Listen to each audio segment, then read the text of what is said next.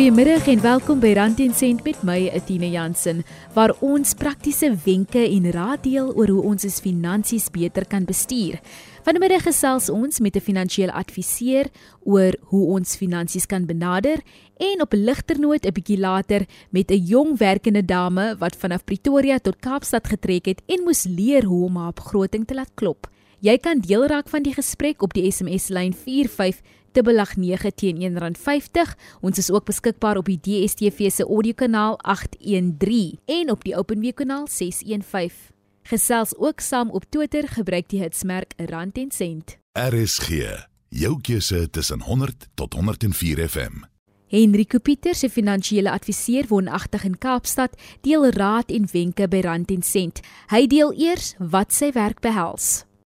Haai ah, Tina, dit is baie baie lekker om hier by julle te kuier hier by RSG. Ek werk in finansiële dienste vir Million Shore professionele dienste en in kort doen ons alles van korttermyn tot langtermyn eh, versekerings. Ons kyk na aftredebeplanning, ons kyk ook na kliënte se beleggings beide plaaslik en in die buiteland en ons doen ook mediese fondsvoorsiening vir ons kliënte. Ons fokus is wel om vennootskap met ons kliënte te bou, om sukses in hulle te bou en sukses in hulle te sien. Dis is ons ook in vennootskap met ander diensteverskaffers soos byvoorbeeld auditeurs vir belastingdoeleindes, prokureurs vir die reg. Ons kyk ook na besigheidlenings vir vir besighede en asook werwing vir werknemers van die maatskappye van ons kliënte.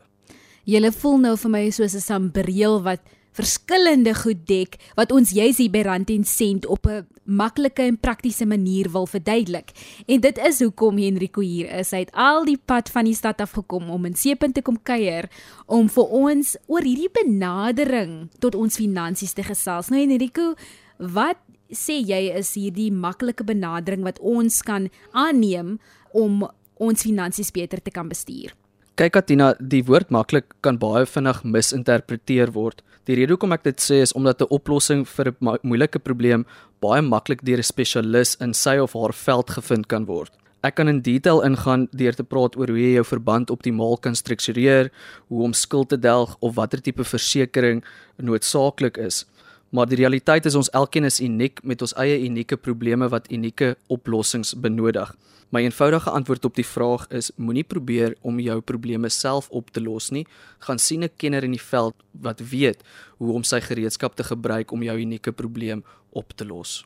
Weet jy, dit is nou die ding, daar's kundiges, daar's mense wat gestudeer het om om mense te kan help, maar tog is mense, eh, hulle kan nogal twyfel eh, in moet hulle iemand gaan kry? Kan hulle bekostig om iemand te kry? Ek dink meeste mense dink dat as ek finansiële hulp of finansiële adviseurs moet kry, dan moet ek hulle meer betaal as wat ek spaar. Is dit waar? Stem jy saam met hierdie stelling? Kyk, ons is afhanklik van van ons kommissie inkomste. Daar is nie salarisse in ons bedryf nie, maar jy moet jouself regtig vra, voel jy die persoon het waarde toegevoeg tot jou deur die bespreking met jou te voer of voel jy iets was gedruk om jou in 'n in 'n in 'n hoek te druk om iets op te neem? Daai is die vraag wat jy na die bespreking vir jouself moet beantwoord. As jy vertroue na daai gesprek het, dan is dit die een vir jou. So dit is letterlik oor die regte vrae vra wat ons 2 weke oor gepraat het, wat is die tipe vrae wat ons moet vra en dis het ek nou hierdie vraag ook vir jou gevra. Enrique, as ons nou kyk na hoe om te begroot, het jy enige wenke hoe ons beter kan begroot? My heel eerste wenk sal wees om jou uitgawes te noteer. Dit is baie baie maklik om rond te gaan en oral op 'n naweek en tydens die week ook net jou kaart te tap en dan aan die einde van die maand sien jy jou hele begroting is geblaas en jy het geen idee waar die geld heen is nie. So noteer elke liewe uitgawe wat jy aangaan. Dit sal my nommer 1 wenk wees want dit gaan ook vir jou duidelikheid gee oor moet ek die geld nou hier bestee of is daar iets anders wat belangriker is? Dit sit so half 'n stem agter in jou kop as jy jou uitgawes noteer. Elke liewe uitgawe wat jy aangaan, noteer dit hierdie tap besigheid, nee Enrico. Ek tap tap tap, ek maak nie glad nie 'n nota waar ek tappie. Sou jy sê die mense moet maar eerder om slippie strokies want ek weet sommige mense sê nee hou maar die strokies dink jy is belangrik om 'n strokie te hou ook Kyk, dit hang af dit hang af van hoe jy jou belasting wil benader. Daar's baie uitgawes wat belasting aftrekbaar is vir alles jy soos ek in die uh, die veld van kommissie werk of jou eie besigheid het, dan is die dan is die slippies nogals nodig om om gehou te word. Ek voel as jy 'n bankstaat trek een keer 'n maand en jy gaan noteer presies waar jy jou geld bestee, dan gaan dit die volgende maand definitief beter gaan. Daai stemmetjies soos wat ek genoem het agter in jou kop hê wat vir jou presies gaan sê moet ek hierdie geld nou hierso neersit is 'n aand uit die beste wat ek nou kan doen of is daar iets noodsaaklik wat volgende week die geld gaan verg? Dit sal my antwoord wees op daai vraag van slippies hou. Ek dink papier is besig om definitief um uit die uit te faseer. Uit te faseer. Mm -hmm. Definitief. Uh dis nie nodig vir alle slippies hou nie. Um jou bankstate sal voldoende wees. Henrico deel wenke hoe ons ons finansies beter kan bestuur. Kyk, ek het 'n paar wenke wat ek hier met jou kan deel. Um een sal wees prioritiseer jou uitgawes van belangrik tot minder belangrik. Uh van jou verband tot hier wat jou wat jou groter belangrikhede is tot motorlenings tot skoolgelde en sit vir jouself 'n maandelikse budget vir kom ons noem dit sakgeld uit binne jou begroting vir vermaaklikheidsdoeleindes. Ek dink dit help ook om my besluit te neem van great ek het 25000 verdien hierdie maand, 5000 daarvan gaan ek vir vermaaklikheidsdoeleindes uitsit en moet dan nie bo oor dit gaan nie.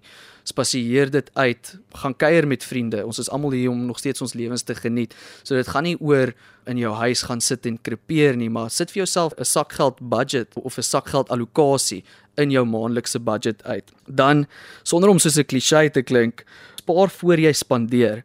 Um om vir Warren Buffett aan te haal, spandeer wat oor is na jy gespaar het, maar moenie uh, spaar wat oor is na jy spandeer het nie. Mm. En dan laastens, hierdie is 'n groot kopseer vir al in my bedryf, begin vroeg spaar vir aftrede. Dit is die 8ste wonder van die wêreld om saamgestelde rente te ervaar en um, wat ons altyd in ons bedryf sê is 'n ou wat op 25 1000 rand begin spaar per maand teenoor die persoon wat op 45 met 10000 rand begin per maand. Die ou wat op 25 begin het, het op ouderdom 55 uh meer geld in sy fondswaarde op ouderdom van van aftrede as die 45-jarige wat wat laat begin het. Hmm. Ek sien dit elke keer wat jong mense met met hul ouers gepraat het en hulle wil nie nou al met aftrede begin nie. Hulle wil eers kyk hierso 35, 40 om daarmee te begin want retirement annuities of uitreaniteite in Afrikaans werk nie soos wat hulle sê nie. en en en dit is omdat daai ouers laat begin het. Um ek sien dit oor en oor en oor Jy kan nie R500 aan die een kant indruk van jou wiskunde vergelyking en R5000 aan die ander kant verwag nie. Jy moet vroeg begin spaar vir aftrede. Mm, ek dink dit is so belangrik wat jy genoem het en dit gaan gewoonlik met ouers byvoorbeeld wat nie dit aangeleer nie. Ons word nie in die skool dit geleer nie. Ek weet nie van jou nie, maar ek was in die skool geleer dat ek moet dink aan aftreegeld na 'n sekere tyd of ek moet hier spaar of dit is hoe ek kan spaar.